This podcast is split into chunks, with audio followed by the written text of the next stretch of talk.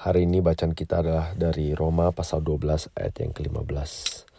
Bersukacitalah dengan orang yang bersukacita dan menangislah dengan orang yang menangis. Dietrich Bonhoeffer dalam bukunya Life Together menulis demikian. Dosa menjadikan manusia sendirian. Dosa menarik seseorang dari komunitas. Semakin ia terisolasi dari orang lain, maka kuasa dosa atas dirinya menjadi semakin destruktif dan semakin lama ia berada dalam isolasi, maka semakin destruktif pula dosanya. Dosa bersikeras untuk tidak dikenal. Dosa menghindari kegelapan. Saudara, ujian hidup cenderung membuat kita menarik diri dari orang lain dan membiarkan kita menderita sendirian. Tetapi justru waktu kita mengisolasi diri, kita sebetulnya menjauhkan diri dari sumber dan dukungan bantuan orang lain.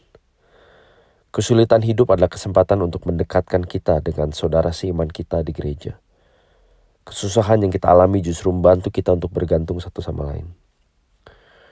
Tentu ini berbeda dengan ketergantungan yang tidak sehat di mana kita menjadi parasit dan menyedot habis waktu, tenaga, dan pikiran orang lain.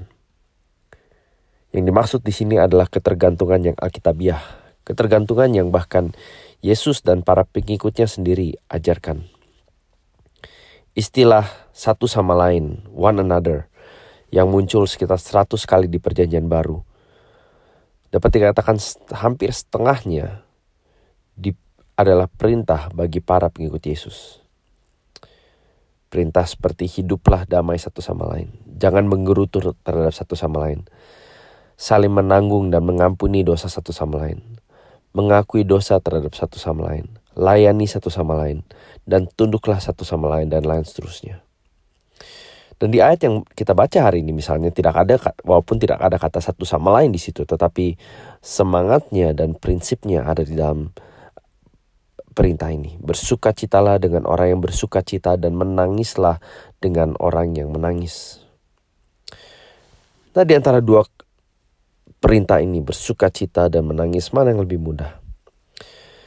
Saya rasa bagi kebanyakan kita lebih mudah untuk merayakan sukacita, kemenangan, dan kesuksesan orang lain, bukan? Dan tentu saja itu perlu. Dan bahkan menunjukkan bahwa jauh di dalam diri kita, kita mengharapkan bahwa things will get better. Situasi akan membaik. Dan waktu kita melihat orang lain dapat pekerjaan, menikah, maju dalam studi atau usaha mereka, di dalam diri kita kita seperti berbisik, this is how the world should be. Dunia harusnya seperti ini. Dan di satu pihak saudara itu itu merefleksikan satu kerinduan di dalam hati kita yang memang Allah berikan sendiri. Tetapi bagaimana dengan duka cita? Bagaimana kita berduka cita dengan mereka yang berduka cita? Ini tantangan bagi kita semua apalagi manusia modern yang diajarkan bahwa kebahagiaan adalah hakku. Happiness is my right. I deserve to be happy. Kesulitan kita Kesulitan kita adalah berempati pada kerapuhan, berempati pada kesedihan dan kegagalan orang lain. Dan waktu kita sendiri mengalaminya, kehilangan pekerjaan, relasi yang rusak atau putus, kemunduran dalam usaha, kita seolah berbisik, "This is not how the world should be." Dunia tidak seharusnya seperti ini. Manusia tidak seharusnya bertindak dan berkata dan diperlakukan seperti ini. Aku tidak seharusnya seperti ini. Dan itulah yang cenderung membawa kita masuk ke dalam isolasi. Nah, saudara, waktu saya mengatakan isolasi ini tidak harus berarti orangnya mengurung diri dan tidak mau keluar kamar. Tetapi juga bisa bisa bisa jadi orangnya mengurung hati dan tidak pernah mau membiarkan orang lain masuk bertanya. Tidak pernah mau membiarkan orang lain menyingkapkan kelemahan dan atau bahkan takut kegagalannya terekspos kepada orang lain. Jadi orang yang mengisolasi diri bisa saja masih pergi ketemu orang lain atau dalam situasi kita hari ini masih ketemuan online tetapi dia sangat menjaga diri untuk membuka hati dan dirinya kepada orang lain. Ada dimensi dalam hidupnya yang tertutup yang tidak mungkin dan tidak pernah akan menerima atau mendapatkan akses dari orang lain. Dan biasanya isolasi menggandeng dua bahaya besar yang kita sekarang sangat uh, rentan. Yang pertama adalah adiksi dan distraksi. Adiksi atau addiction, kecanduan, dan distraksi atau distraction, atau gangguan, entah besar atau kecil.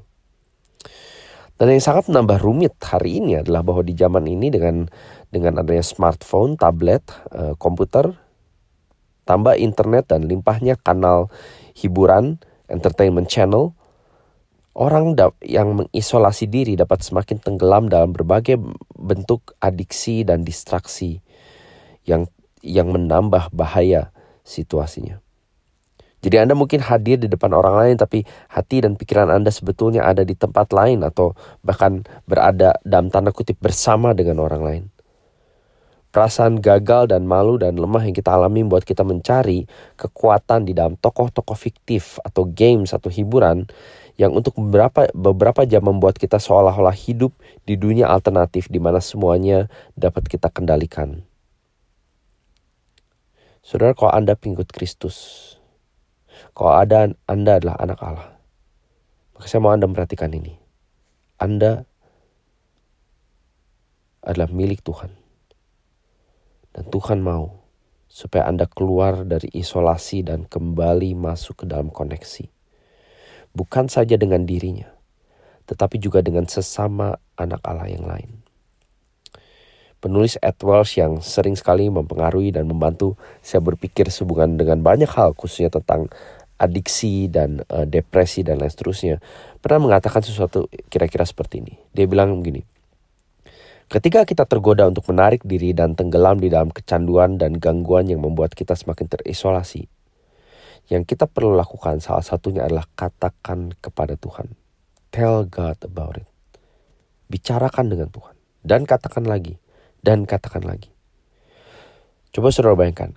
Kalau kita yang manusia saja diminta untuk bersuka cita dengan mereka yang bersuka cita dan menangis dengan mereka yang menangis.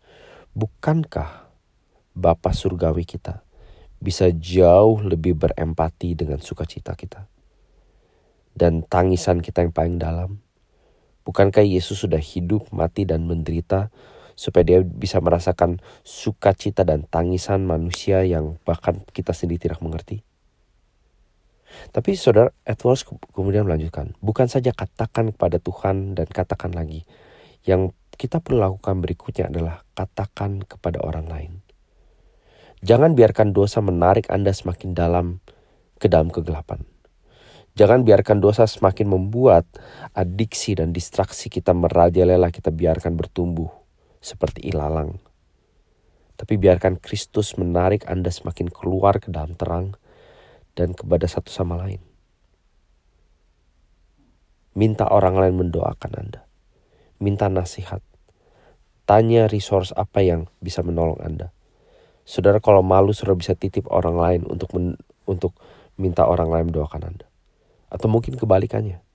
Anda yang bisa bertanya dan saya bersyukur mendengar uh, beberapa dari jemaat kita yang sudah melakukan itu secara se uh, dengan inisiatif sendi mereka sendiri. Mereka sendiri yang bertanya apa yang bisa aku doakan. Atau bahkan memberikan nasihat.